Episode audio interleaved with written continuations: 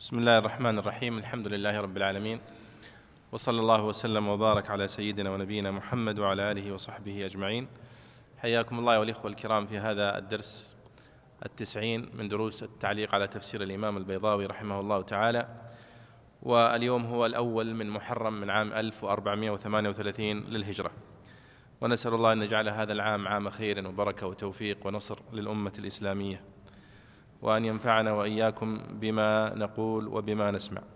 كنا وقفنا عند التعليق على قوله تعالى فإن حاجوك. فإن حاجوك فقل أسلمت وجهي لله ومن اتبعني وقل للذين أوتوا الكتاب والأميين أسلمتم في سورة آل عمران. فلعلنا نبدأ لكن قبل أن ننتقل إليها أريد أن أعلق فقط على نقطتين فقط. مرت علينا في المحاضرة الماضية وضاق الوقت عن آه، التنبيه عليها.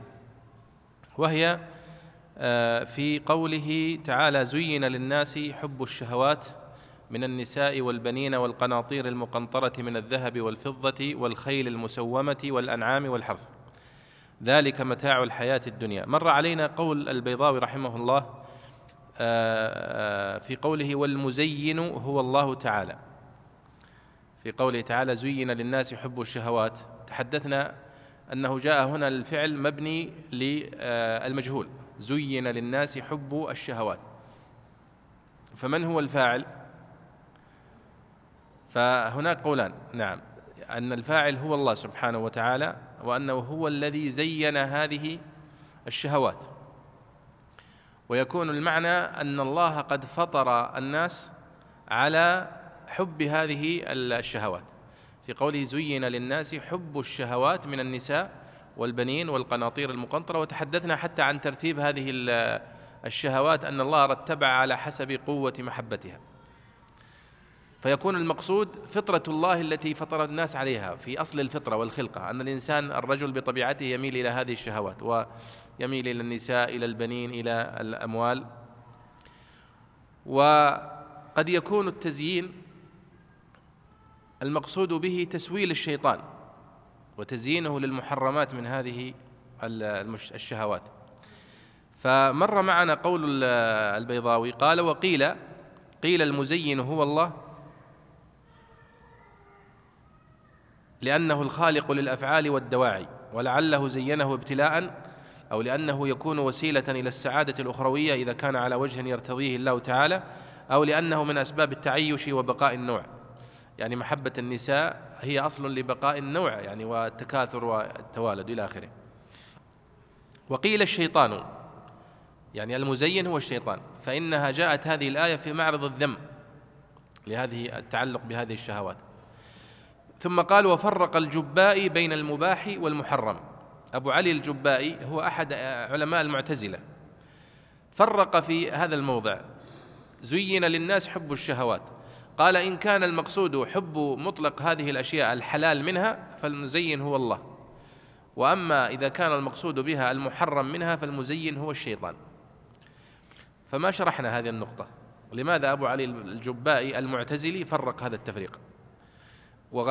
يعني هو فرق هذا التفريق أيها الإخوة لأن هذا يعني ينسجم مع أصول المعتزلة. وهذه من المسائل التي تمر معنا في كتب التفسير التي يؤثر فيها مذهب المفسر العقدي واختياره. فتلاحظ قول المعتزلة وتوجيههم للتفسير القرآن.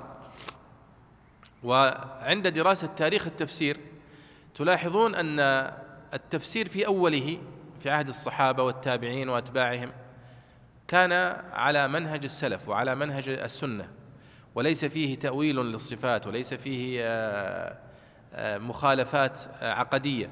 فلما وقعت الفرقة في الأمة وظهرت الفرق المخالفة عليكم السلام ظهرت الفرق المخالفة لمنهج السلف بدأت كل فرقة من هذه الفرق تصنف تفاسير وتجعل في هذه التفاسير آه، استدلالاتها وتوجيهاتها للآيات القرآنية بما يوافق معتقداتها.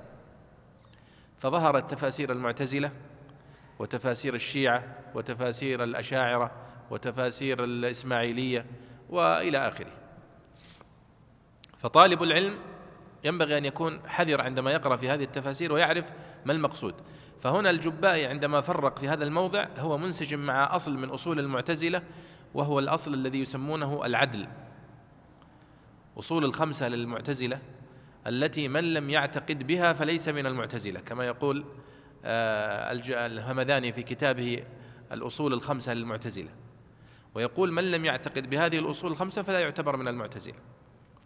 أي من يقول فقط بثلاثة منها أو أربعة لا يعتبر من المعتزلة. وإنما قد يوافق المعتزلة في بعض ما ذهبوا إليه.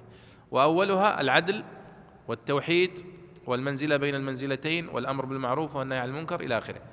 فالأصل العدل وهو أن مقتضى العدل في هذا الموضع يقتضي أن لا يزين الله المحرم لأن هذا قبيح عقلا. وهم يرون يعني ما يسمونه التحسين والتقبيح العقلي مرت معكم هذه المسألة.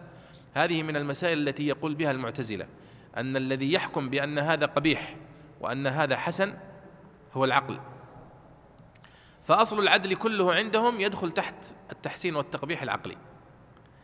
فهنا رأى أن تزيين المحرم قبيح ويتنافى مع العدل ولذلك قال الله لا يمكن أن ننسب إليه أنه هو المزين للقبيح وإنما الشيطان. واضحة هذه النقطة؟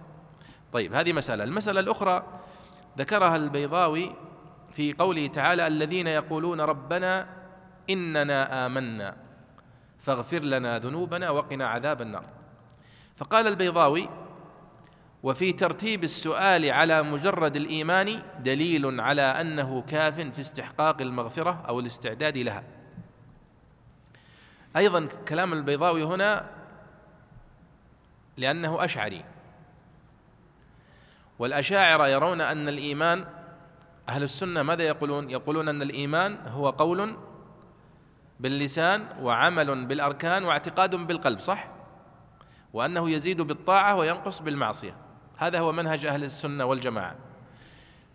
الأشاعرة لهم نظر في الإيمان وأن الإيمان فقط يعني الصحيح من من أقوالهم أنه التصديق فقط بالقلب وأن النطق باللسان شرط عند القدرة عليه. فإن عجز الإنسان عن ذلك فليس شرطا. فمجرد الإيمان عندهم هو التصديق. ولذلك هو وجد هذه الفرصة في قوله تعالى الذين يقولون ربنا إننا آمنا. فاغفر لنا ذنوبنا. فقال هو إذا مجرد الإيمان يستحقون عليه الدخول للجنة. لكن في الحقيقة ليس في الآية دليل على ما أراد هو. لأنها الذين قالوا آمنا ليس المقصود مجرد أنهم قالوا ذلك بألسنتهم وإنما قالوه وفعلوا ما يستلزمه القول من العمل. ولذلك لاحظوا في القرآن الكريم في كل المواضع التي أو في معظم المواضع التي يأتي فيها ذكر الإيمان يقرن بالعمل الصالح. الذين آمنوا وعملوا الصالحات. الذين آمنوا وعملوا الصالحات. ولذلك لا ينفع مجرد القول باللسان إذا لم يقارنه عمل بالأركان. طيب هذه مسألتين فقط أحببت أن أنبه إليها قبل الدخول في آه، درس اليوم. في قوله تعالى فإن حاجوك فأقرأ يا شيخ أحمد. بسم الله والحمد لله. والصلاة والسلام على رسول الله صلى الله عليه وسلم.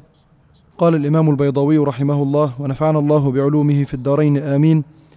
فإن حاجوك في الدين أو جادلوك فيه بعدما أقمت الحجج فقل أسلمت وجهي لله أخلصت نفسي وجملتي, لله وجملتي له. لا أشرك, لا أشرك فيها غيره وهو الدين القويم الذي قامت به الحجج. ودعت إليه الآيات والرسل وإنما عبر بالوجه عن النفس لأنه أشرف الأعضاء الظاهرة ومظهر القوى والحواس. ومن اتبعني عطف على التاء في أسلمت وحسن للفصل أو مفعول معه. وقل للذين أوتوا الكتاب والأميين الذين لا كتاب لهم كمشرك العرب أأسلمتم؟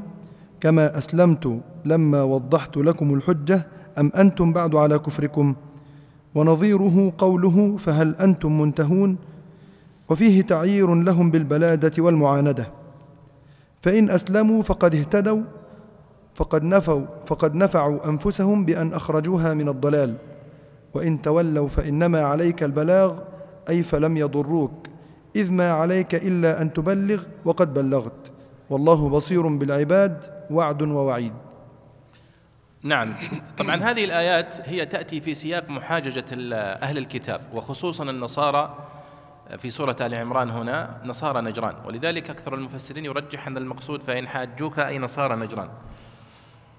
وذكرت لكم في المحاضرة الماضية قضية الجدل التي ظهرت بعد انتقال النبي صلى الله عليه وسلم إلى المدينة وأنه بعد أن اختلط المسلمون هناك باليهود والنصارى الذين جاءوا من اليمن وجاءوا من نجران ودخلوا في تفاصيل المحاججة والمجادلة في الخلق وفي الله وفي الجنة وفي النار. فجاءت سورة آل عمران مليئة بطرق المجادلة لهؤلاء.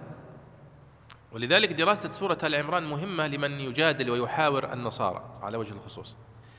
فالله سبحانه وتعالى يقول فإن حاجوك والمحاججة هنا يعني مقابلة الحجة بالحجة يعني مفاعلة من الحجة. فإن حاجوك أي حاججوك فأظهروا حججا وأدلة وبراهين فيما يقولون فقل لهم كذا وكذا وكذا. ولذلك تعتبر تكرر مادة القول في القرآن الكريم دليل على أهمية الحوار وصناعة الحوار في الإسلام وأنه دين الإقناع. دين الإقناع بالدرجة الأولى وإقامة الحجة والبراهين وأنه يأتي القتال والجهاد بعد ذلك. يعني لمن يرفض الجدل ويرفض المحاورة ويرفض إقامة الحجج دون قتال فإنه ينتقل إلى الجهاد بعد ذلك. فيقول فإن حاجوك في الدين يعني جادلوك بعدما أقمت الحجج فقل أسلمت وجهي لله ومن اتبعني. أسلمت هنا بمعنى الإسلام بمعنى التوحيد وعدم الإشراك به سبحانه وتعالى. فإن أسلم فقل أسلمت وجهي لله يا أخلصت نفسي وجملتي له. والمقصود بالإسلام كما قلت كما في الآية التي مرت قبلها إن الدين عند الله الإسلام. والمقصود بالإسلام هنا هو التوحيد وهو دين الأنبياء جميعا من آدم عليه الصلاة والسلام إلى محمد. ولذلك كل الأنبياء عليهم الصلاة والسلام نحن أتباعهم المسلمون هم أتباعهم. فعيسى عليه الصلاة والسلام وموسى وإبراهيم هم أنبياؤنا نحن الموحدين والمسلمين. وليسوا أنبياء لهؤلاء المشركين الذين ينتسبون إليهم وهم يخالفونه. فليس هناك نبي من الأنبياء دعا إلى الشرك أبدا وإنما كلهم دعوا إلى التوحيد. فقوله فقل أسلمت وجهي لله ومن اتبعني لتأكيد هذه هذه الحقيقة وهي حقيقة التوحيد لله سبحانه وتعالى. يقول البيضاوي هنا وإنما عبر بالوجه عن النفس لأنه أشرف الأعضاء الظاهرة ومظهر القوى والحواس. وهذا يعني آه، توجيه بلاغي للتعبير بقوله أسلمت وجهي لله. فعبر بالوجه والمقصود أسلمت بكليتي لله وجهي وجميع أعضائي. لكنه عبر بالوجه لأنه أشرف أعضاء الإنسان. ولذلك يعبر بالوجه عن في أشياء كثيرة. وجهت وجهي للذي فطر السماوات والأرض. وجهت وجهي وجميع جسمي. لكنه عبر بالوجه لأنه أشرف الأعضاء. ولقال وجوه يومئذ مسفرة. المقصود كل البدن مسفر. لكن الوجه هو الذي تظهر عليه العلامات. ولذلك حتى في كلامنا اليوم نعبر بهذا. فإذا قال الإنسان خلاص الموضوع هذا في وجهي. يعني ماذا؟ إيش معنى يا سلمان؟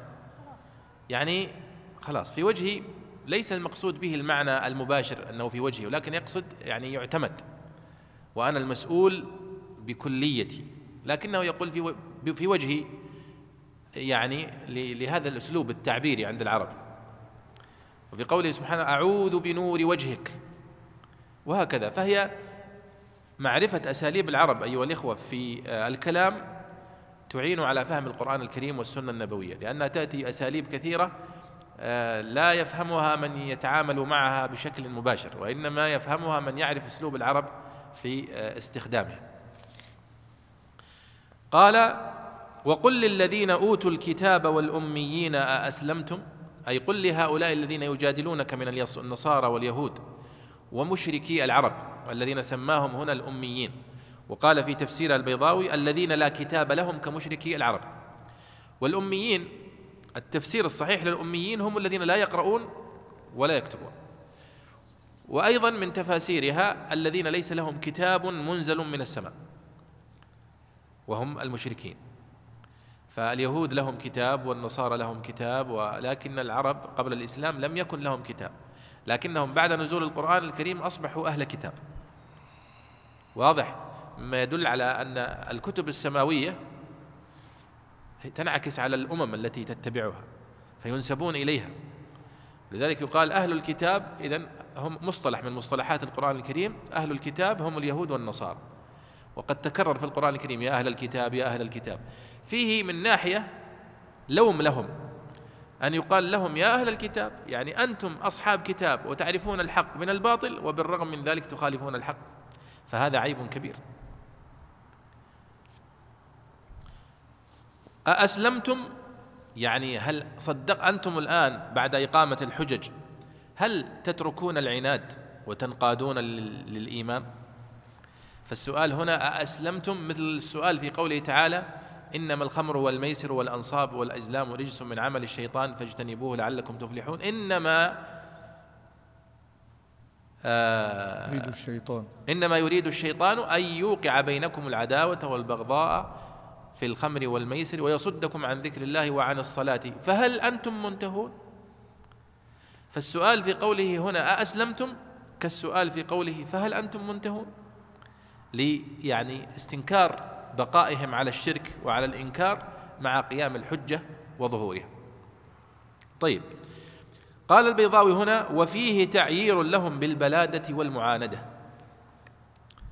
لأنهم رغم وضوح الحجج وظهورها مصرون على كفرهم وشركهم. قال فإن أسلموا فقد اهتدوا يعني فإن انقادوا للتوحيد فقد أراد الله بهم خيرا وقد سلكوا الطريق الهداية. ونفعوا بذلك أنفسهم في الدرجة الأولى. وإن تولوا فإنما عليك البلاغ. وهذه مريحة للنبي صلى الله عليه وسلم. أمثال هذه الآيات لأنها تقصر مهمة النبي صلى الله عليه وسلم فقط على البلاغ.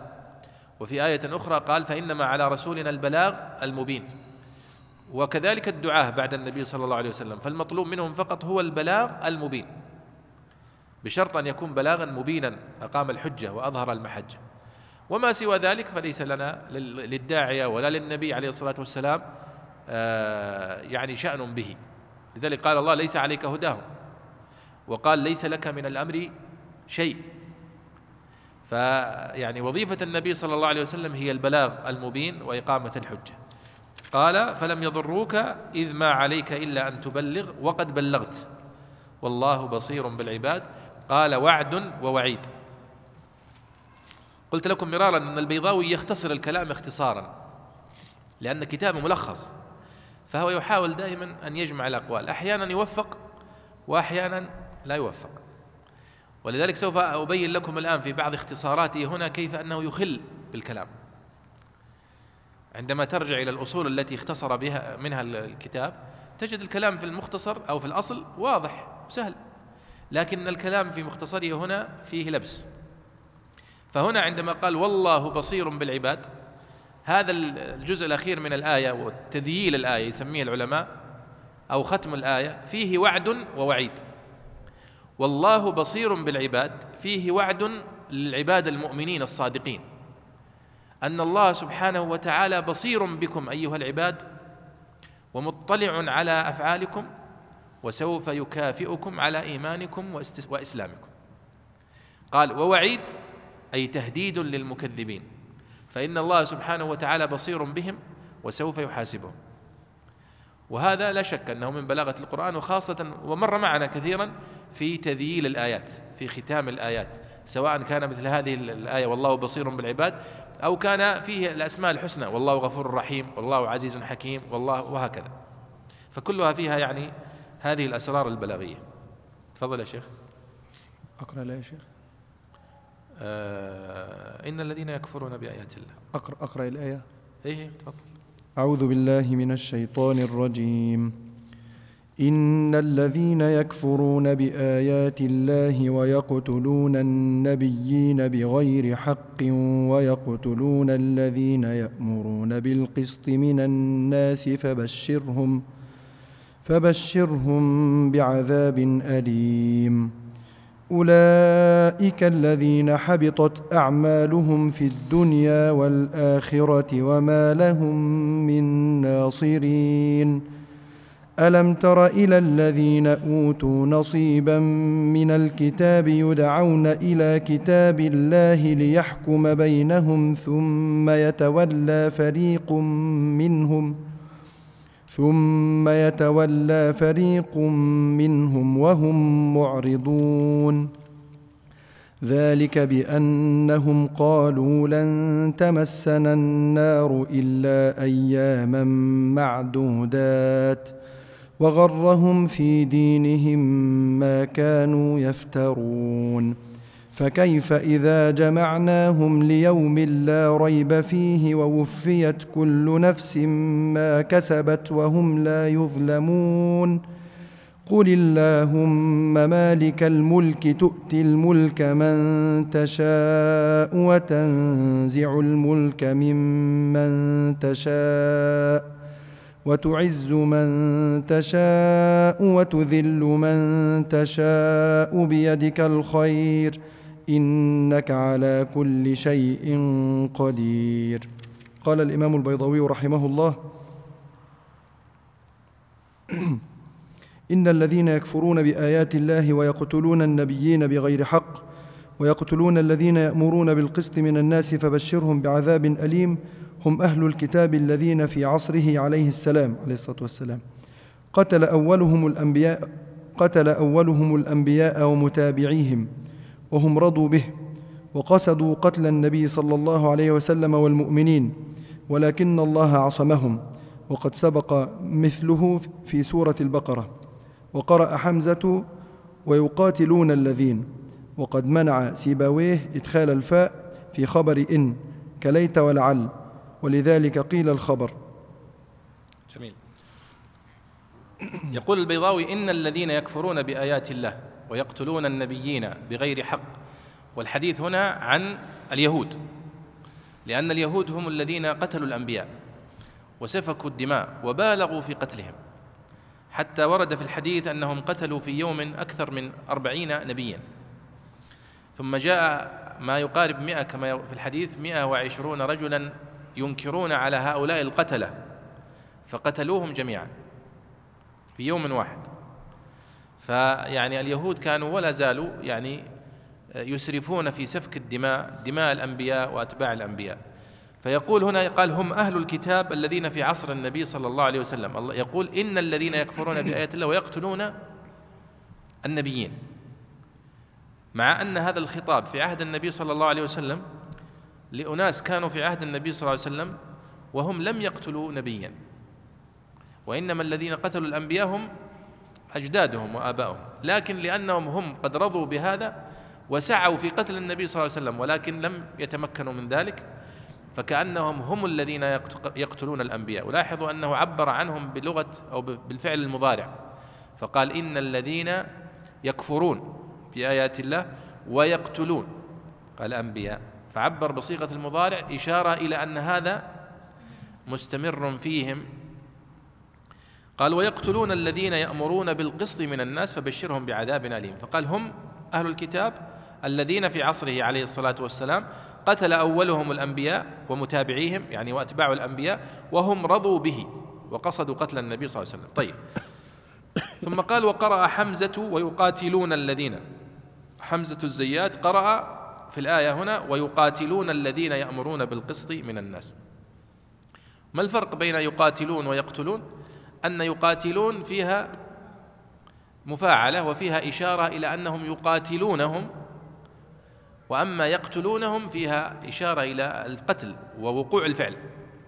فيقتل غير يقاتل يقاتل قد يقتل وقد لا يقتل لكن يقتل ليس فيها يعني خيار هو يعني يسفك الدم. أما يقاتل فهو يدافع ويقاتل قد يقتل وقد لا يقتل. طيب. قال وقد منع سيبويه إدخال الفاء في خبر إن. هنا في قوله إن الذين يكفرون بآيات الله ويقتلون النبيين بغير حق ويقتلون الذين يأمرون بالقسط من الناس فبشرهم. لماذا دخلت هنا الفاء؟ متى يعني كما يقولون تدخل يدخل تدخل الفاء على جواب الشرط؟ أنها تدخل كما يقولون في آه في سبع حالات.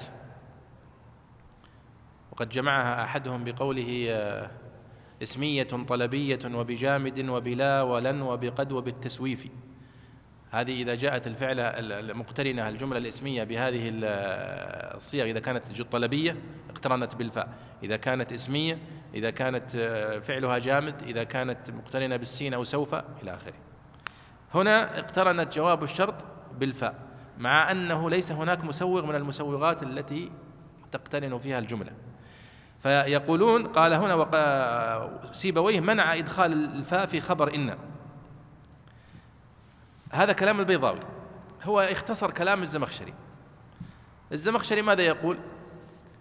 فإن قلت لما دخلت الفاء في خبر إن فإن قلت فإن قلت هذا أسلوب الزمخشري ترى مشهور. ويسمونها فنقلات الزمخشري. الفنقلة. اشتهر بها الزمخشري لأن تفسيره كله كذا. فإن قلت كذا وكذا قلنا. فإن قلت قلنا. فإن قلت لما دخلت الفاء في خبر إن؟ قلت لتضمن اسمها معنى الجزاء.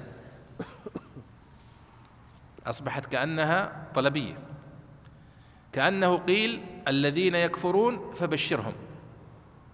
بمعنى من يكفر فبشرهم. وإن لا تغير معنى الابتداء. هذا كلام سيبويه. لاحظ قال وقد منع سيبويه إدخال الفاء في خبر إن كليت ولعل.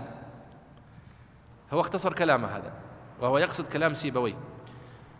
وإن لا تغير معنى الابتداء فكأن دخولها كلا دخول.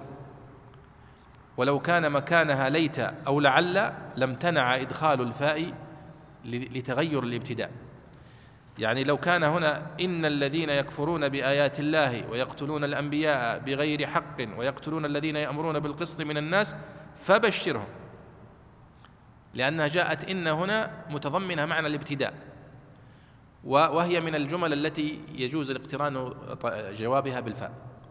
لكن لو وجدنا لو وضعنا بدل إن ليت أو لعل فجاءت ليت الذين يكفرون بآيات الله ويقتلون النبيين بغير حق ويقتلون الذين يأمرون بالقسط من الناس ما جاء في جوابها فاء وإنما حذفنا الفاء. هذا معنى كلام سيبوي وهذا معنى كلام البيضاوي. لكن البيضاوي اختصر الكلام اختصارا فيه نوع من الإخلال قد لا يفهمه القارئ. إذا رجعت للزمخشري وغالبا البيضاوي كأنه أول ما ينظر في تفسير الزمخشري فيلخصه.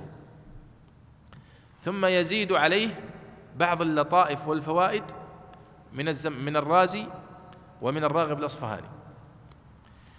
فيجد في كتاب الزمخشري أحيانا آه، مسائل اعتزالية واضحة فيغيرها هو ويعدلها بما يتناسب مع مذهب الأشاعرة ومذهب السنة.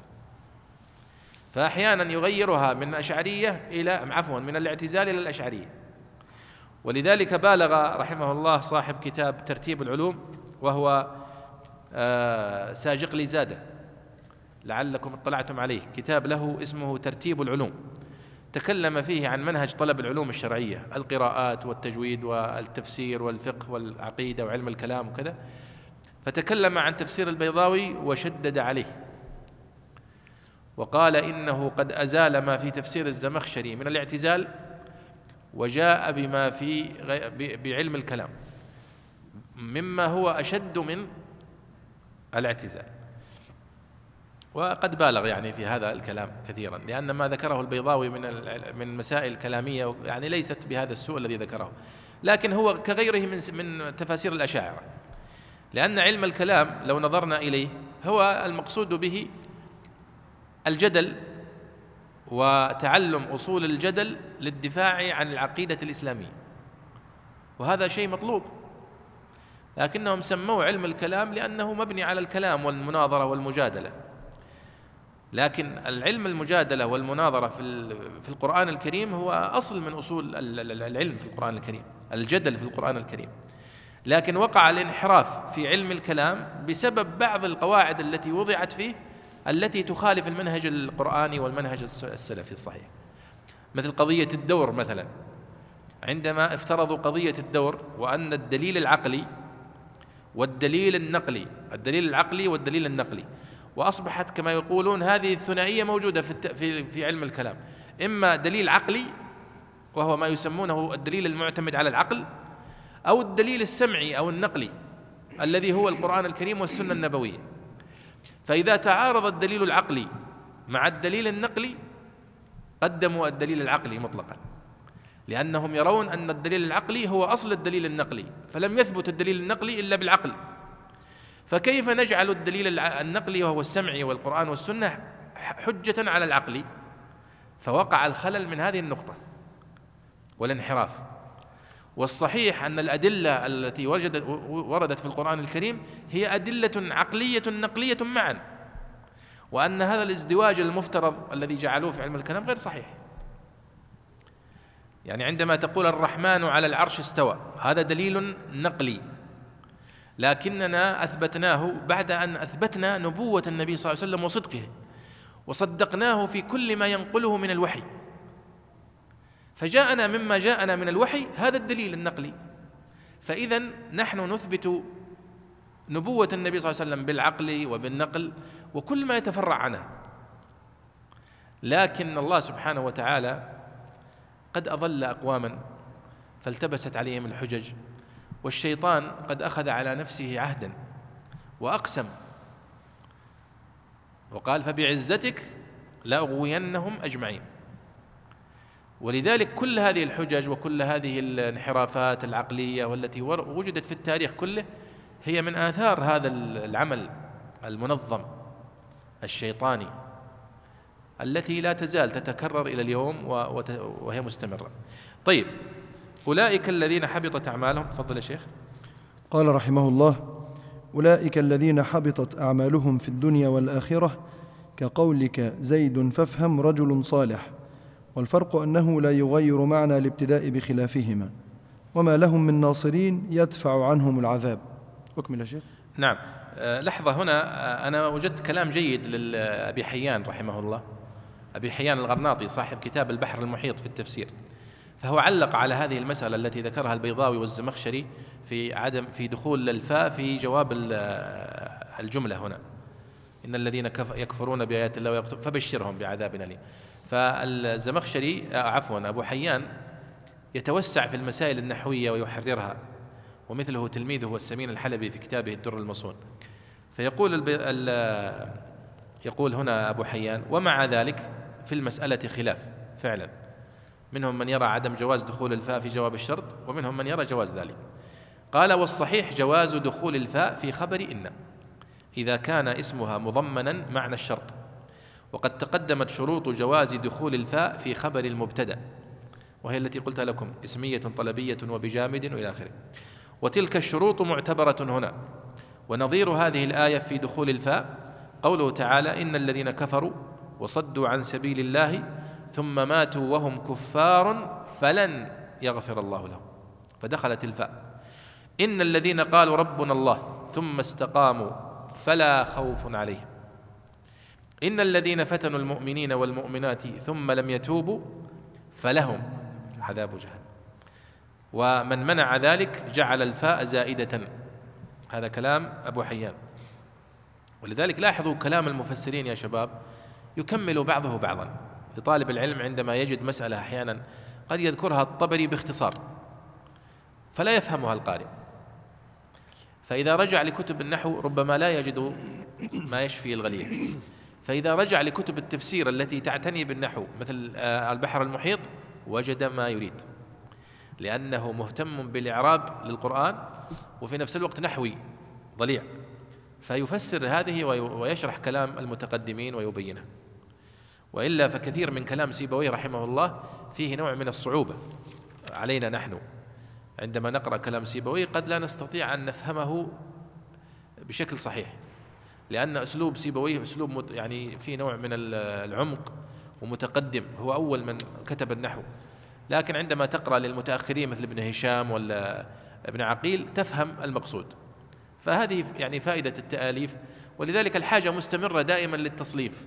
في كل الفنون في التفسير وفي النحو وفي البلاغة لأن المتأخر من المتخصصين يفهم كلام المتقدم ويصوغه بأسلوب يناسب المتأخر. طيب.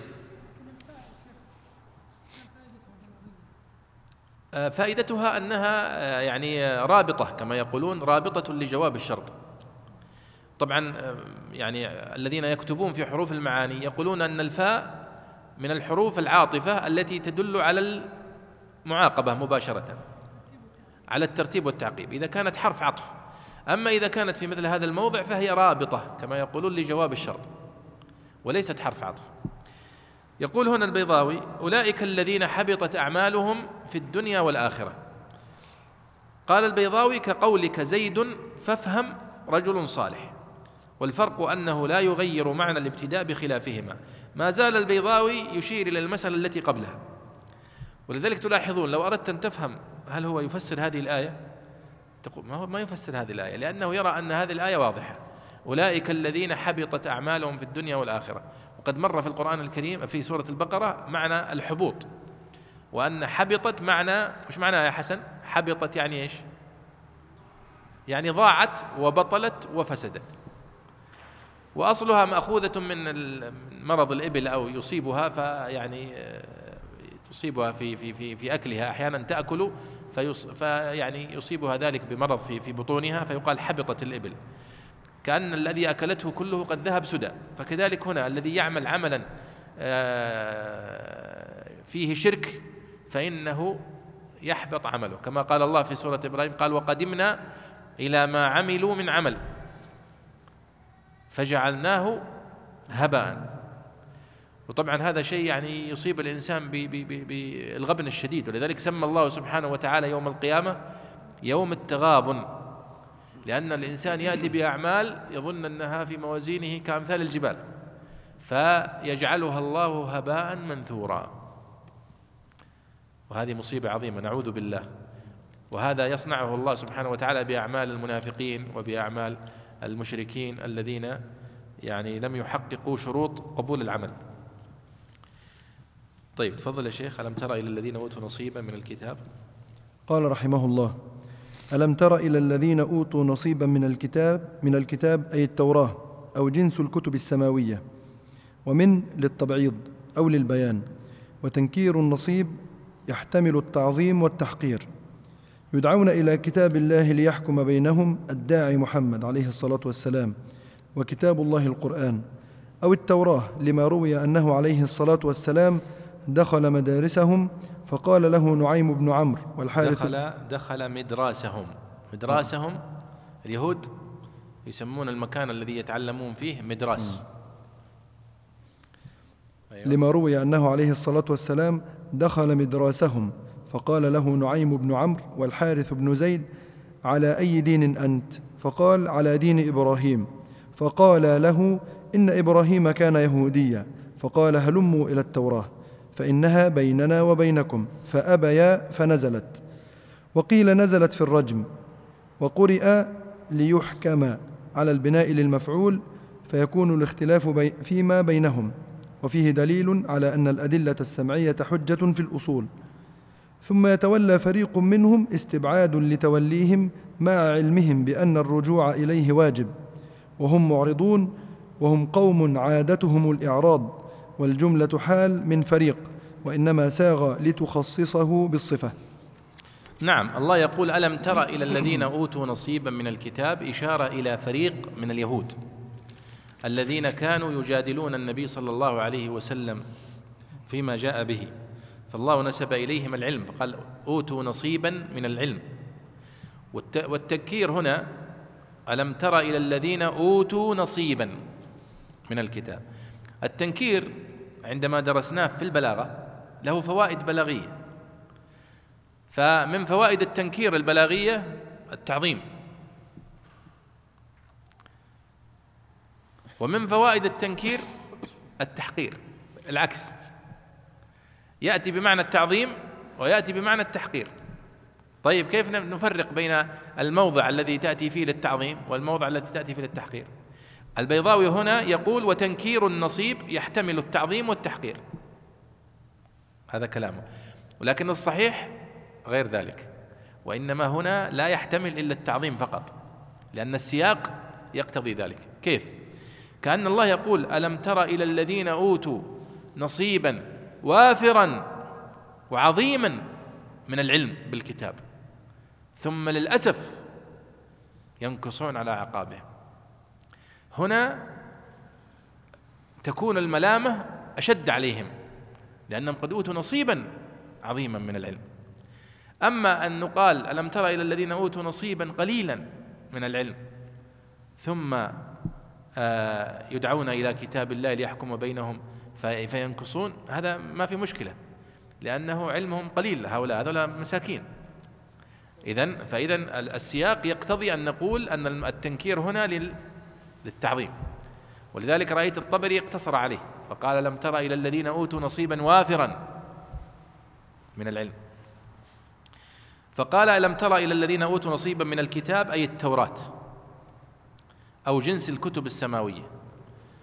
الصحيح هنا لأن الحديث مع بني مع اليهود أن المقصود به التوراة خاصة. ومن للتبعيض أو للبيان نصيبا من الكتاب أي حظا من الكتاب. طبعا وش الفرق أنك تقول أنه للتبعيض أو أنه للبيان؟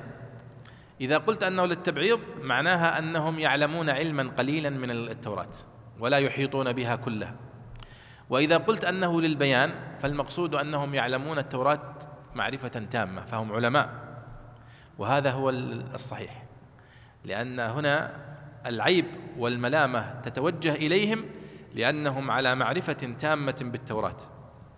وما فيها مما يؤيد ما جاء به النبي صلى الله عليه وسلم. وبالرغم من ذلك يكفرون فهنا يتوجه اللوم.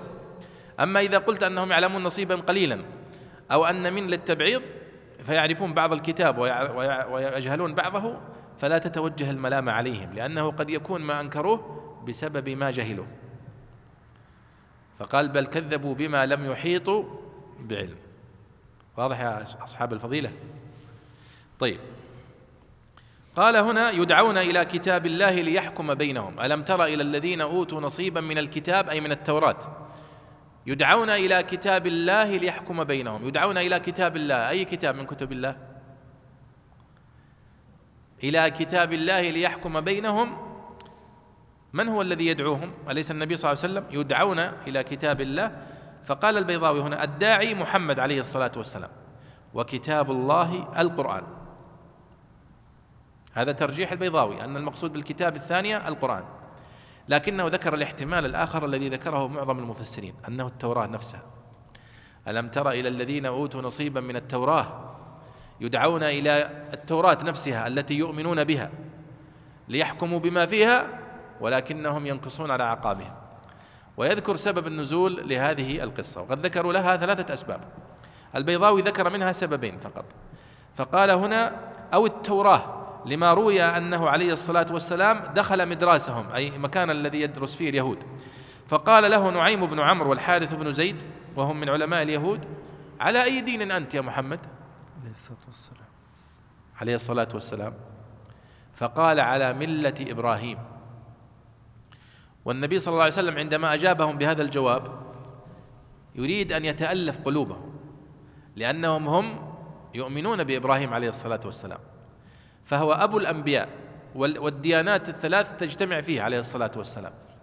فهو جد آه، موسى وجد آه، عيسى وجد محمد عليه الصلاة والسلام. فقال أنا على ملة إبراهيم. فقال له إن إبراهيم كان يهوديا. فقال عليه الصلاة والسلام هلموا إلى التوراة. فإنها بيني وبينكم. يلا جيبوا التوراة ونرى ماذا تقول. فبعض الروايات قال أنه قال عليه الصلاة والسلام فإن فيها صفتي.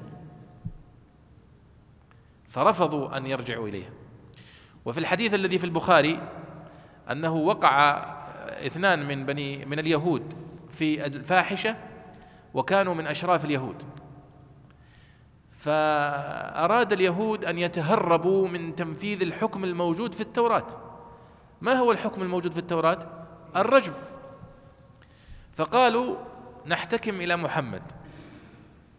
ولاحظوا حتى اليهود كان يعني في بعض المواضع يرجعون إلى النبي صلى الله عليه وسلم مع أنهم لا يؤمنون به.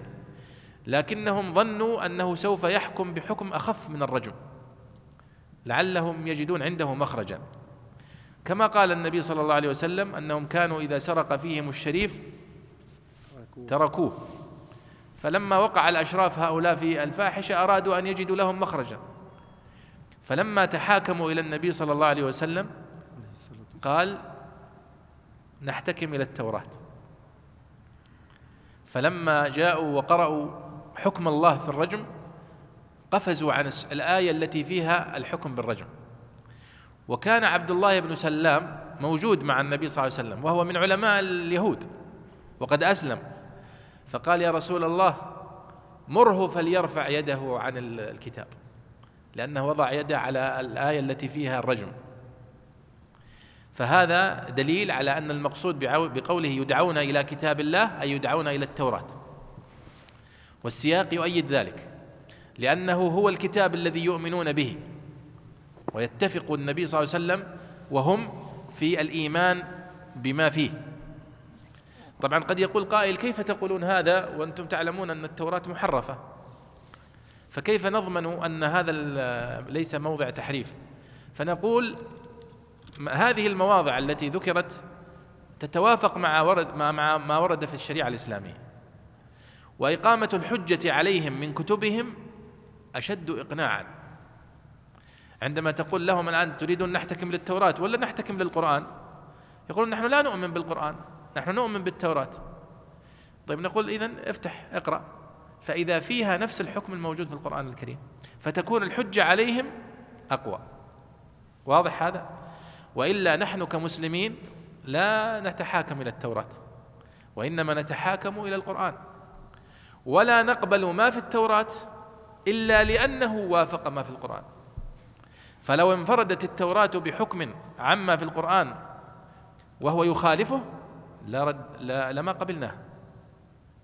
ولذلك النبي صلى الله عليه وسلم نهى عمر رضي الله عنه عندما رآه يقرأ في شيء من التوراة. لكن بعد أن أسلم عدد من اليهود ودخلوا من علماء اليهود دخلوا في الإسلام دخلت بعض الروايات وبعض التفاصيل الموجودة في كتب أهل الكتاب إلى تفسير النصوص القرآنية. لأن عبد الله بن سلام رضي الله عنه عالم من علماء اليهود والأشياء التي يتكلم عنها القرآن الكريم في كثير منها وخصوصا ما يتعلق بأنبياء بني إسرائيل وقصص بني إسرائيل وما يتعلق ببدء الخلق خلق السماوات وخلق آدم عليه الصلاة والسلام موجودة في كتب في كتاب التوراة بشكل مفصل. فبشكل طبيعي لما يكون دخل في الإسلام عبد الله بن سلام وقرأ القرآن الكريم تذكر ما هو موجود في كتبهم. فكان يحدث به الصحابة رضي الله عنهم وربما يرجع إليه عبد الله بن عباس ويسأله عن بعض التفاصيل. لأن كثير من القضايا التي وردت في القرآن الكريم عن بني إسرائيل وردت بشكل مجمل بدون تفاصيل. والنفس بطبيعتها تحب تبحث عن التفاصيل. فمثلا في قصة البقرة التي في سورة البقرة وإذ قال موسى لقومه إن الله يأمركم أن تذبحوا بقرة. قالوا وتتخذنا هزوا. كثير من الناس يسأل ويقول متى كان ذلك؟ القصة هذه متى وقعت بالضبط؟ وهل كانت بعد أن آه، نجا موسى وقومه من فرعون أو قبل ذلك؟ طيب ما هي القصة بالضبط التي وقعت وكانت سببا في الأمر بالذبح البقرة؟ ما اسم صاحب البقرة التي اشتراها منه تفاصيل هذه. تجدونها في كتب أهل الكتاب. مثلا في قصة يوسف عليه الصلاة والسلام. موجودة في القرآن الكريم بشكل مفصل في سورة يوسف صح؟ موجودة في القرآن الكريم بتفاصيل أخرى. فيعني الذي اطلع على هذه وهذه يحب أنه يذكر هذه ويشير إلى هذه وكذا. ولذلك دخلت في هذه الروايات في كتب التفسير يعني مع الوقت. طيب وقيل نزلت في الرجم. يعني هذه الرواية أو هذه الآية نزلت في قصة الرجم التي ذكرتها لكم. التي جاءوا إلى النبي صلى الله عليه وسلم وتحاكموا فيها. قال البيضاوي وقرئ ليحكم على البناء للمفعول فيكون الاختلاف فيما بينهم. طبعا ليحكم بينهم هذه رواية الجمهور. ليحكم ليحكم بينهم هذه قراءة أبي جعفر وقراءة شاذة وقرأ بها أيضا عاصم الجحدري. قال ثم قال البيضاوي هنا استنبط استنباطا أصوليا. قال البيضاوي وفيه دليل. لاحظ. ألم تر إلى الذين أوتوا نصيبا من الكتاب ثم يدعون إلى كتاب الله ليحكم بينهم ثم يتولى فريق منهم وهم معرضون. قال فيه دليل على أن الأدلة السمعية حجة في الأصول. وهذه مسألة أصولية وهي تتعلق أيضا بعلم الكلام. وهي أن هل الأدلة السمعية التي وردت في القرآن الكريم ووردت في السنة النبوية هي حجة في الأصول أصول الدين؟ يعني هذا طبعا بالنسبة لنا شيء ثابت أن القرآن الكريم والسنة النبوية حجة. فهو يقول هنا أن هذه الآية دليل على هذا. لأن المتكلمين يقولون أن الحجة هي في الدليل العقلي وليست في الدليل السمعي. وهذا كلام كما قلت لكم هو الذي ولد الانحراف في علم الكلام. وإلا علم الكلام هو ممتاز جدا يعني في كيف أصول الجدل الإسلامي وكيف ترد على الشبهات وتقيم الحجة على المخالفين. هذا شيء ينبغي علينا جميعا أن ندركه ونتعلمه. لكنه للأسف شوهوه بمثل هذه القواعد الغير صحيحة فالتي جعلت العلماء يذمونه. ثم زاد الطين بله كما يقولون عندما ترجم علم المنطق والفلسفة اليونانية فأدخلوا هذه الفلسفة أيضا في علم الكلام فزاد الانحراف. فلذلك كثر التحذير منه. قال ثم يتولى فريق منهم وهم معرضون. لاحظوا سبحان الله العظيم العدل في كلام الله سبحانه وتعالى وأنه لم يقل ثم يتولون كلهم لأنه الله سبحانه وتعالى ذكر في مواضع أخرى أنه قال ليسوا سواء في سورة العمران نفسها. وهذا مقتضى العدل وكمال العدل. ليسوا سواء من أهل الكتاب أمة قائمة ومدحهم وأثنى عليهم. وهنا قال ثم يتولى فريق منهم. مما يدل على أنه هذا الشذوذ قليل وأنه لكنه كان سببا في الانحراف. قال استبعاد لتوليهم مع علمهم بأن الرجوع إليه واجب وهم معرضون وهم قوم عادتهم الإعراض. طيب. تفضل يا شيخ ذلك بأنهم قالوا لن تمسنا النار إلا أياما معدودات. وهذا أيضا لاحظون من الجدل هم يجادلون. قال رح نعم ويقولون للنبي صلى الله عليه وسلم نحن لو دخلنا النار على افتراض أننا إذا دخلنا النار سوف لن نقيم فيها إلا أياما معدودات. ثم تخلفوننا فيها. يعني شوف الجدل والكذب. أيوة. قال رحمه الله ذلك إشارة إلى التولي والإعراض. بأنهم قالوا لن تمسنا النار إلا أياما معدودات بسبب تسهيلهم أمر العقاب على أنفسهم لهذا الاعتقاد الزائغ والطمع الفارغ. وغرهم في دينهم ما كانوا يفترون من أن النار لن تمسهم إلا أياما قلائل أو أن آباءهم الأنبياء يشفعون لهم أو أنه تعالى وعد يعقوب عليه السلام ألا يعذب أولاده إلا تحلة القسم. نعم وكل هذا غير صحيح. يعني كانوا هؤلاء المكذبين من اليهود آه، يقولون للمسلمين للنبي صلى الله عليه وسلم ومن معه أننا ثبت لدينا وهم يكذبون طبعا آه، أننا لن ندخل النار. وأننا لو دخلنا النار فلن نبقى فيها إلا اياما معدودات فقط. ثم نخرج منها وتخلفوننا فيها. وهذه كلها كما ذكر الله سبحانه وتعالى أماني وسواء أحلام ليس لها أي حقيقة. فهنا البيضاوي يقول آه، ذلك بأنهم قالوا لن تمسنا النار إلا اياما معدودات يعني هم لن يستجيبوا لك يا محمد. هؤلاء المعرضين وهؤلاء الفريق ثم يتولى فريق منهم وهم معرضون هؤلاء قد طبع على قلوبهم ولديهم قناعات باطلة وغير صحيحة. آه، وهي كلها مجرد أحلام ومجرد أهواء. يعتقدونها وهي أنها لن تمسهم النار إلا أياما معدودات. وقد مرت تذكرون معنا في سورة البقرة في قوله تعالى قال أتخذتم عند الله عهدا؟ فلن يخلف الله عهده. أم تقولون على الله ما لا تعلمون؟ والصحيح أنه لم يقل الله سبحانه وتعالى أنه لن تمسهم النار إلا أياما معدودات ولم يقطع على نفسه عهدا بذلك. فيقول أن هذا التهاون والإعراض والتكذيب بسبب تسهيلهم أمر العقاب على أنفسهم. لهذا الاعتقاد الزائغ والطمع الفارغ. وغرهم في دينهم ما كانوا يفترون أي مما قولهم أن لن تمسهم النار إلا أياما معدودات. أو أن آباءهم من الأنبياء سوف يشفعون لهم فيخرجونهم من النار. أو أنه تعالى وعد يعقوب عليه الصلاة والسلام جدهم أن لا يعذب أولاده إلا تحلة القسم. فهذه أعذار واهية يستدل بها هؤلاء المكذبون من اليهود على عدم استجابتهم للنبي صلى الله عليه وسلم. جميل. أيوة فكيف إذا جمعناهم ليوم؟ قال رحمه الله فكيف إذا جمعناهم ليوم لا ريب فيه؟ استعظام لما يحيق بهم لما يحيق بهم في الآخرة وتكذيب لقولهم لم تمس لن تمسنا النار إلا أياما معدودات. روي أن أول راية ترفع يوم القيامة من رايات الكفار راية اليهود.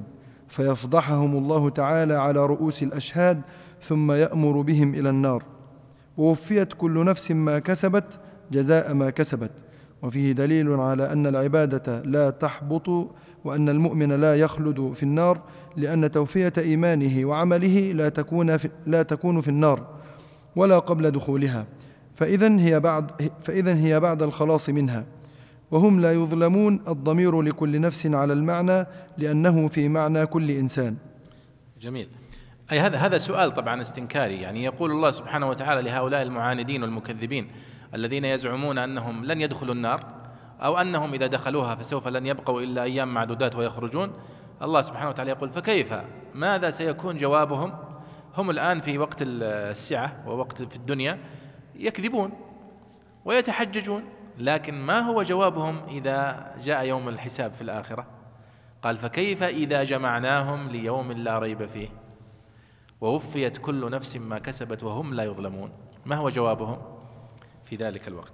فيقول هنا آه، استعظام يعني هذا الاستنكار وهذا السؤال سؤال استنكاري. فكيف إذا جمعناهم ليوم لا ريب فيه؟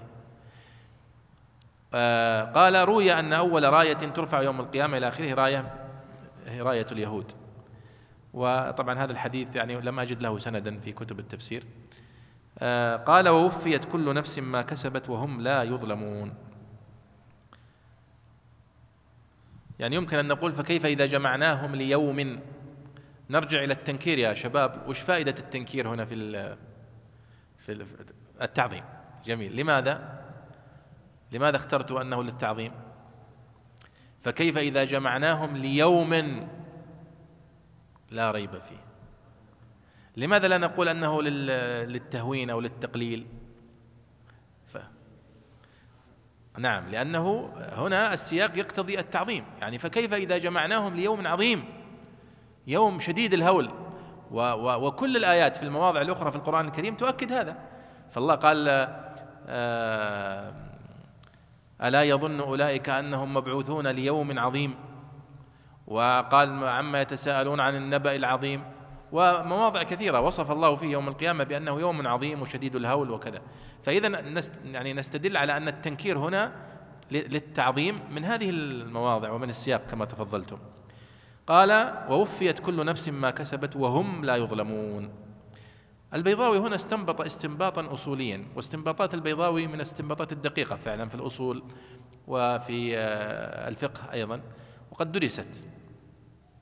قال فيه دليل على أن العبادة لا تحبط عبادة المؤمن يعني وأن المؤمن لا يخلد في النار. المؤمن الموحد لا يخلد في النار صح ولا لا؟ وإنما إذا دخل النار يدخل وبقدر ذنوبه ومعاصيه ثم يخرج. هكذا ثبت في الحديث. لأن توفية إيمانه وعمله لا تكون في النار ولا قبل دخوله إلى النار فإذا هي بعد الخلاص من النار. هذا كلام البيضاوي.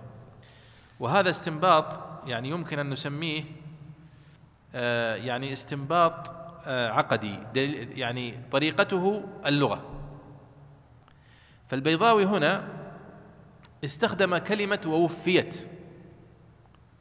وقال إن التوفية لأن توفية إيمانه وعمله لا تكون في النار ولا قبل دخول النار وإنما بعد دخوله. فهو يدخل إلى النار فيعاقب على ذنوبه التي ارتكبها. ثم يخرج من النار فيوفى جزاء عمله الصالح بدخول الجنة. وهذا استنباط صحيح وهو يوافق كلام السلف وكلام أهل السنة والحديث. ولذلك يقول الرازي رحمه الله واعلم أن قوله ووفيت كل نفس ما كسبت يستدل به أصحابنا بأن صاحب الكبيرة من أهل الصلاة لا يخلد في النار. وأما أصحابنا فإنهم يقولون إن المؤمن استحق ثواب الإيمان فلا بد وأن يوفي يوفى عليه ذلك الثواب. لقوله تعالى ووفيت كل نفس ما كسبت فإما أن يثاب في الجنة ثم ينقل إلى دار إلى الجهنم وهذا باطل بالإجماع. ما في أحد يدخل الجنة ثم يخرج منها إلى النار. وإما أن يقال يعاقب بالنار ثم ينقل إلى دار الثواب أبدا وهذا هو المطلوب. ولكن نحن نقول أن هذا هو الصحيح لأنه ثبت في الحديث الصحيح هذا الكلام. وليس لمجرد الاستدلال العقلي. لكن الرازي رحمه الله في تفسيره ملأه بالحجج العقلية. والرازي رحمه الله هو من أئمة الأشاعرة الذين نظروا لمذهب الأشاعرة. ولذلك يعتبر يعتبر عمدة عندهم في الجانب الكلامي والأشعري. فقدم الأدلة العقلية على الأدلة النقلية للأسف في مواضع كثيرة. وإلا كان ببساطة في هذا الموضع نأتي بالحديث. حديث الذين آه، يدخلون إلى النار ثم يخرجون منها فيدخلون إلى الجنة وهو حديث صحيح ولا يحتاج فيه إلى هذه الفلسفة. لكن الحاجة إلى الأدلة العقلية نحتاجها عندما نجادل من لا يقتنع إلا بالعقل والأدلة العقلية.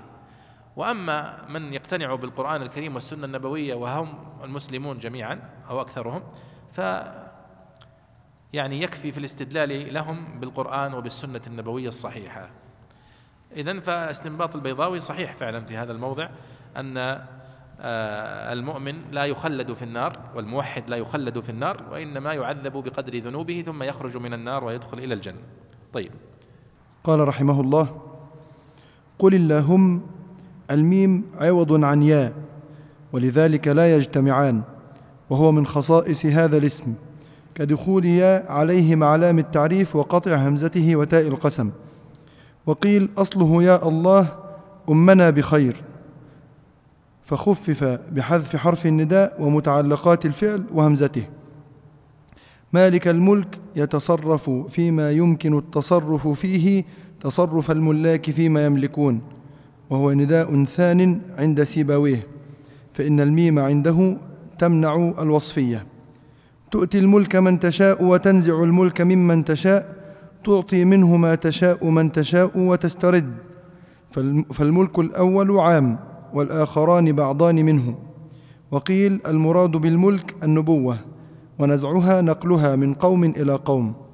وتعز من تشاء وتذل من تشاء في الدنيا أو في الآخرة أو فيهما بالنصر والإدبار والتوفيق والخذلان. بيدك الخير إنك على كل شيء قدير. ذكر الخير وحده لأنه المقضي بالذات والشر مقضي بالعرض. صح يا شيخ؟ إلا بالعرض.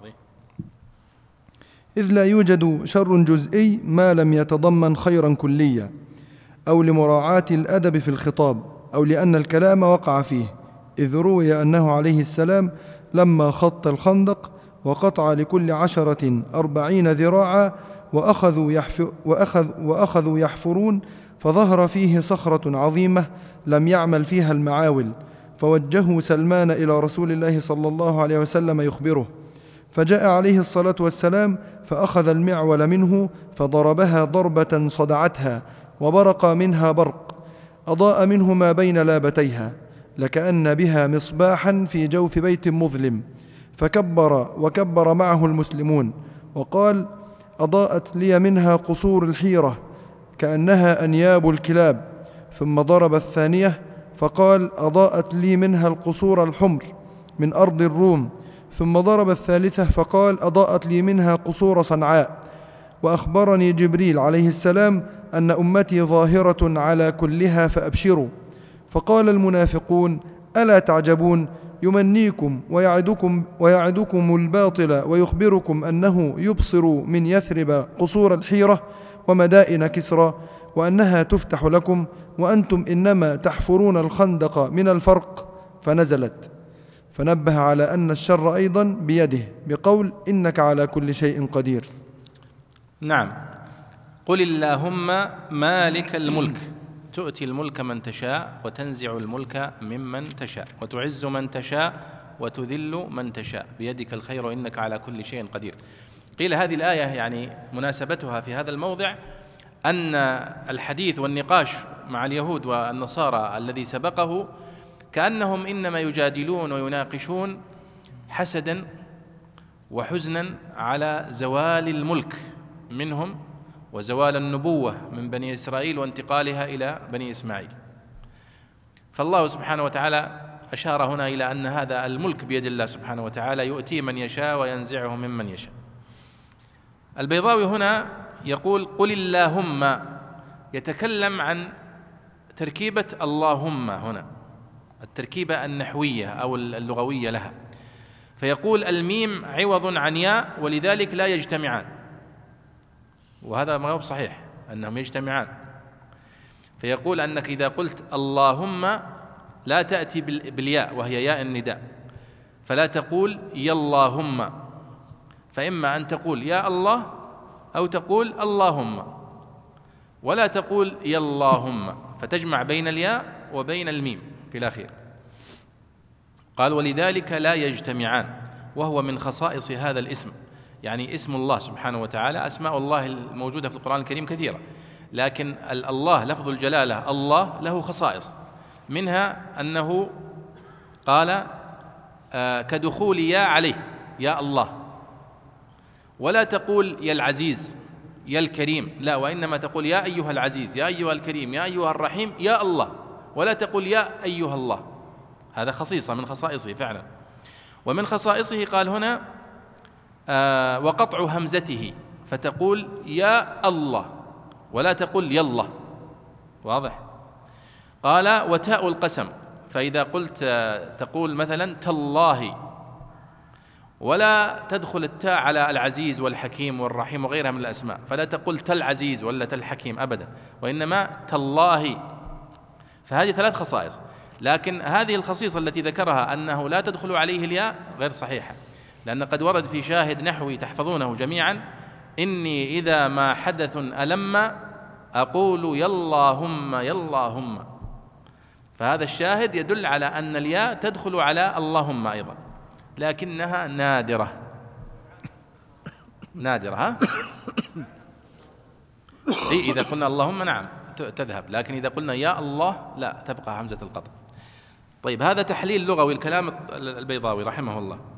وقيل أصل معنى قوله اللهم هم يقولون أن اللهم أصلا هي يا الله. لكننا لما حذفنا الياء أبدلناها بالميم في الأخير فقلنا اللهم. ولذلك لأن الميم في الأخير هي أصلا هي الياء التي في الأمام نحذف الياء ما تدخل عليها. فلا نقول يا اللهم. إلا في هذه اللغة النادرة بس. ومعنى اللهم قيل أن معناها اللهم أمنا بخير يعني اقصدنا بخير. قال فخفف بحذف الحرف النداء إلى آخره. طيب هذا كله تحليل لغوي من من البيضاوي رحمه الله وقد ذكره الزمخشري وذكره الأصفهاني في تفسيره والمفسرون جميعا يذكرونه. اللهم مالك الملك. اللهم مالك الملك. مالك الملك هنا هي صفة لله سبحانه. يتصرف فيما يمكن التصرف فيه تصرف الملاك فيما يملكون. ولذلك لاحظوا هنا في سورة الفاتحة مثلا الحمد لله رب العالمين الرحمن الرحيم مالك يوم الدين. قراءة حفص صح وقراءة نافع وملك يوم الدين. فالله سبحانه وتعالى مالك وملك. فما الفرق بين المالك والملك؟ قالوا أن المالك هو الذي يتصرف في ملكه دون مساءلة. وأما الملك فهو الذي يملك يملك الأمر والنهي المطلق ولكنه في في الأملاك الخاصة يتوقف أمره. فجمع في وصف الله سبحانه وتعالى بأنه مالك وملك فهو جمع بين خصائص الملك وخصائص الملك. طيب. قال هنا يتصرف قال وهو نداء ثان عند سيبويه. فإن الميم عنده تمنع الوصفية سيبويه كيف يعرب؟ قل اللهم مالك الملك. قال مالك الملك هنا هي نداء ثان يعني اللهم يا الله يا مالك الملك. لماذا؟ قال لأن الميم الموجودة في اللهم عنده يرى أنها تمنع من أن نقول بأن مالك الملك صفة. هذا رأي سيبويه لكن أكثر النحويين يرون أنها صفة لله. تؤتي الملك من تشاء وتنزع الملك ممن تشاء تعطي من تشاء ما تشاء وتسترد ما تشاء. فالملك الأول عام المطلق لله سبحانه وتعالى والملك الذي يعطيه لبعض خلقه هو ملك ناقص وهذا صحيح. وتعز من تشاء وتذل من تشاء في الدنيا أو في الآخرة أو فيهما. وهذا صحيح. وهي قاعدة من قواعد التفسير أن ما كان عاما من الألفاظ ولا يوجد ما يمنع من حمله على العموم فإنه يحمل على الجميع. فأنا قلت تعز من تشاء في الدنيا وفي الآخرة فالله كذلك. ويذل من يشاء في الدنيا وفي الآخرة أيضا. بيدك الخير إنك على كل شيء قدير. قال ذكر الخير وحده. هنا لأن المقضي بالذات والشر مقضي بالعرض. يعني يقول أن الخير مقضي بالذات. الله سبحانه وتعالى قد خلقه بالذات. وأما العرض فإنه يعرض لبعض القضايا وليس أصلا فيها. إذ لا يوجد شر جزئي ما لم يتضمن خيرا كليا أو لمراعاة الأدب في الخطاب أو لأن الكلام وقع فيه إذ روي أنه عليه الصلاة والسلام ثم ذكر القصة التي وقعت للنبي صلى الله عليه وسلم في الخندق. القصة التي وقعت للنبي صلى الله عليه وسلم في الخندق أنه عندما اعترضتهم صخرة فذهبوا وأخبروا النبي صلى الله عليه وسلم. فجاء النبي صلى الله عليه وسلم و وضربها. الموقف الذي وقع فيه هذا الحدث موقف عصيب وكان المسلمون في خوف وفي قلق. ولكن النبي صلى الله عليه وسلم عندما ضرب الصخرة أضاءت له آه، كما في الحديث قصور بصرى وصنعاء وبشر الصحابة رضي الله عنهم ببشارة عظيمة بالفتح والنصر.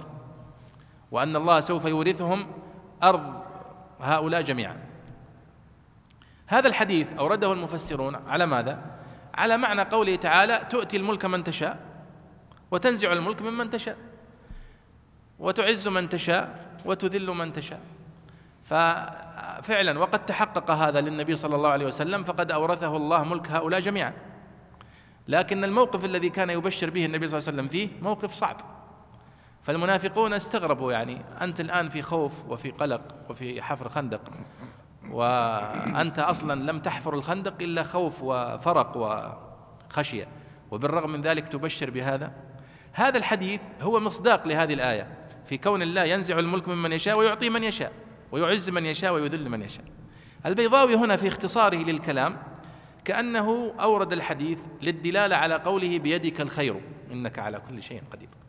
وهذا من الخلل في الاختصار الموجود في كتابه. لأنك لو تقرأ كلام الزمخشري المستقيم لكان واضح لك وفي كلام ابن عطية أن استدلال البيضاوي بالحديث هنا للإشارة إلى قوله يؤتي الملك من يشاء وينزع الملك ممن يشاء إلى آخره. في قوله بيدك الخير هنا ولم يشر إلى الشر إشارة إلى الأدب مع الله سبحانه وتعالى وأن الخير بيديه سبحانه وتعالى والشر ليس إليه وهذا كله من كمال التأدب مع الله سبحانه وتعالى. فإن الله سبحانه وتعالى لا ينسب إليه الشر. وإنما ينسب إليه الخير سبحانه وتعالى. وإنما كان الشر شرا قالوا لأنها قد انقطعت نسبته إلى الله سبحانه وتعالى. ثم إنه سبحانه وتعالى عندما يؤتي الملك من يشاء وينزعه ممن يشاء هو عند من نزع منه شر لكنه قد يكون للمجموع خير. فمن هنا أيضا جاءت وصفه بهذا في هذه الآية في قوله بيدك الخير إنك على كل شيء آه، قدير.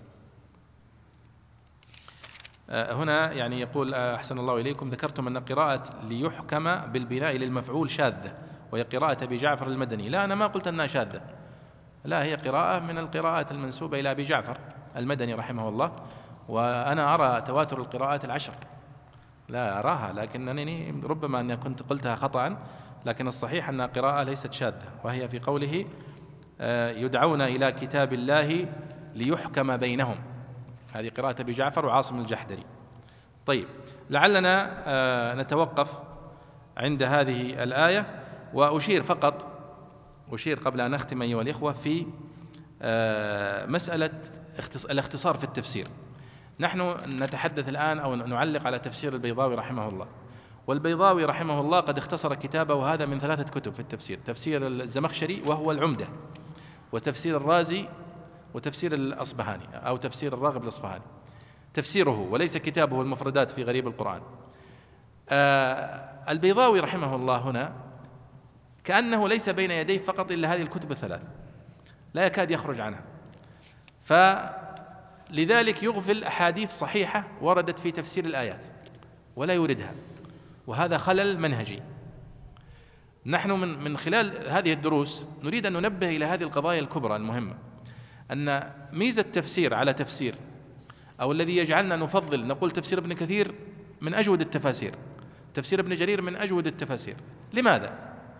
هل فقط لأنه آه، سني المذهب أو ليس يعني اشعريا أو ليس معتزليا أو ليس لا ليس هذا فقط. وإنما لأنه يراعي أصول التفسير في تفسيره. فإذا وجد آية تفسر الآية فإنه يقدمها في الذكر. والبيضاوي يصنع ذلك أحيانا لكن ليس دائما. وإذا وجد حديثا صحيحا يفسر الآية فإنه يأتي به. لاحظت قبل شوية البيضاوي لم يأتي بالحديث الصحيح في تفسير الآية وإنما جاء بدليل عقلي وهو أن المؤمن لا يخلد في النار الموحد. وإنما يخرج منها. فاستدل على ذلك بدليل عقلي مع ورود الحديث الصحيح في ذلك. هذا يعتبر خلل منهجي في التفسير. تفسير ابن كثير يراعي هذه القضايا فيقدم تفسير القرآن بالقرآن. ثم لأن الله سبحانه وتعالى أعلم بكلامه. ثم يقدم آه، بتفسير القرآن بالسنة النبوية. ولذلك يعتبر من مزايا تفسير ابن كثير هذه الميزة تفسير القرآن بالسنة. وقد فرقت لكم بين تفسير القرآن الكريم بالسنة والتفسير النبوي. وقلت لكم أن التفسير النبوي هو التفسير الذي فسره النبي صلى الله عليه وسلم ابتداء. يعني إما أن يذكر التفسير ثم يقرأ الآية أو يقرأ الآية ثم يفسرها أو يسأل عن الآية فيفسرها. هذا تفسير نبوي منسوب إلى النبي صلى الله عليه وسلم وهذا مقدم. لكن التفسير بالسنة هو أقل مرتبة من التفسير النبوي وهو أن يأتي المفسر بعد النبي صلى الله عليه وسلم إما أن يكون صحابي أو تابعي أو أتباع التابعين أو ابن كثير أو الشيخ السعدي أو غيره فيأتي إلى حديث من الأحاديث يرى أنه يفسر هذه الآية. فيجتهد في تفسير هذه الآية بهذا الحديث. مثال ذلك كما صنع ابن كثير رحمه الله في تفسير قوله تعالى آه، وجاء ربك والملك صفا صفا وجيء يومئذ بجهنم. قال ابن كثير روى حديث أنه يؤتى يوم القيامة بجهنم ولها سبعون ألف زمام. مع كل زمام سبعون ألف ملك يجرونه. فيأتي بهذا الحديث يفسر به هذه الآية. هل النبي صلى الله عليه وسلم عندما تكلم بهذا الحديث أراد أن يفسر هذه الآية؟ ليس عندنا ما يثبت ذلك. ليس عندنا ما يثبت ذلك. ولكنه تفسير بالسنة. ولذلك المفسرون يقدمون هذا التفسير آه، على غيره لأنه ورد في الحديث وقد حمله كثير منهم على على هذا المعنى. اذا هذه هذه النقاط أيها الإخوة هي من النقاط التي نفضل بها تفسيرا على تفسير. فنقول هذا التفسير قيم هذا التفسير مميز لهذه الأسباب. وليس لأنه يعني آه، لمذهبه أو, أو, أو غير ذلك. هنا سؤال يقول هل تتكرم وتوضح أكثر المسألة التي تكلم عنها البيضاوي حول توفية الأعمال حيث أني لم أستوعبها؟ أبشر. هنا يقول البيضاوي في آه، وفيت كل, وفيت كل نفس ما كسبت وهم لا يظلمون. أيوة نعم. قال البيضاوي فيه دليل على أن العبادة لا تحبط وأن المؤمن لا يخلد في النار لأن توفية إيمانه وعمله لا تكون في النار ولا قبل دخولها فاذا هي بعد الخلاص منها. هذا طبعا كلام الرازي. يقول أن الآن المؤمن الموحد لا يخلد في النار. هذه نقطة. والأمر الثاني أنه لا يحبط عمله إلا بالشرك. فما دام موحدا فعمله لا يحبط. طيب جميل. طيب هل إذا قلنا أنه سوف يدخل النار لكي يعاقب على الذنوب التي ارتكبها فهل سوف يوفى أعماله وحسناته في النار؟ قال هو لا. كيف يوفى على يعني على طاعاته وعلى حسناته في النار؟ وإنما يكون ذلك بعد خروجه منها. ولا يمكن أن يوفى على ذلك قبل دخوله للنار لأنه لو وفي يعني على طاعاته قبل دخول النار ما دخلها. فاذا الدليل العقلي يرى أنه سوف يدخل النار اولا فيعاقب على ما ارتكبه من معاصي. ثم يخرج من النار فيوفى على طاعاته بدخول الجنة. هذا هو قصده. ونحن قلنا لو كان اختصر الطريق وذكر الحديث في ذلك لانتهينا من هذه النقطة كلها. نختم بهذا وصلى الله وسلم على سيدنا ونبينا محمد وعلى آله وصحبه أجمعين.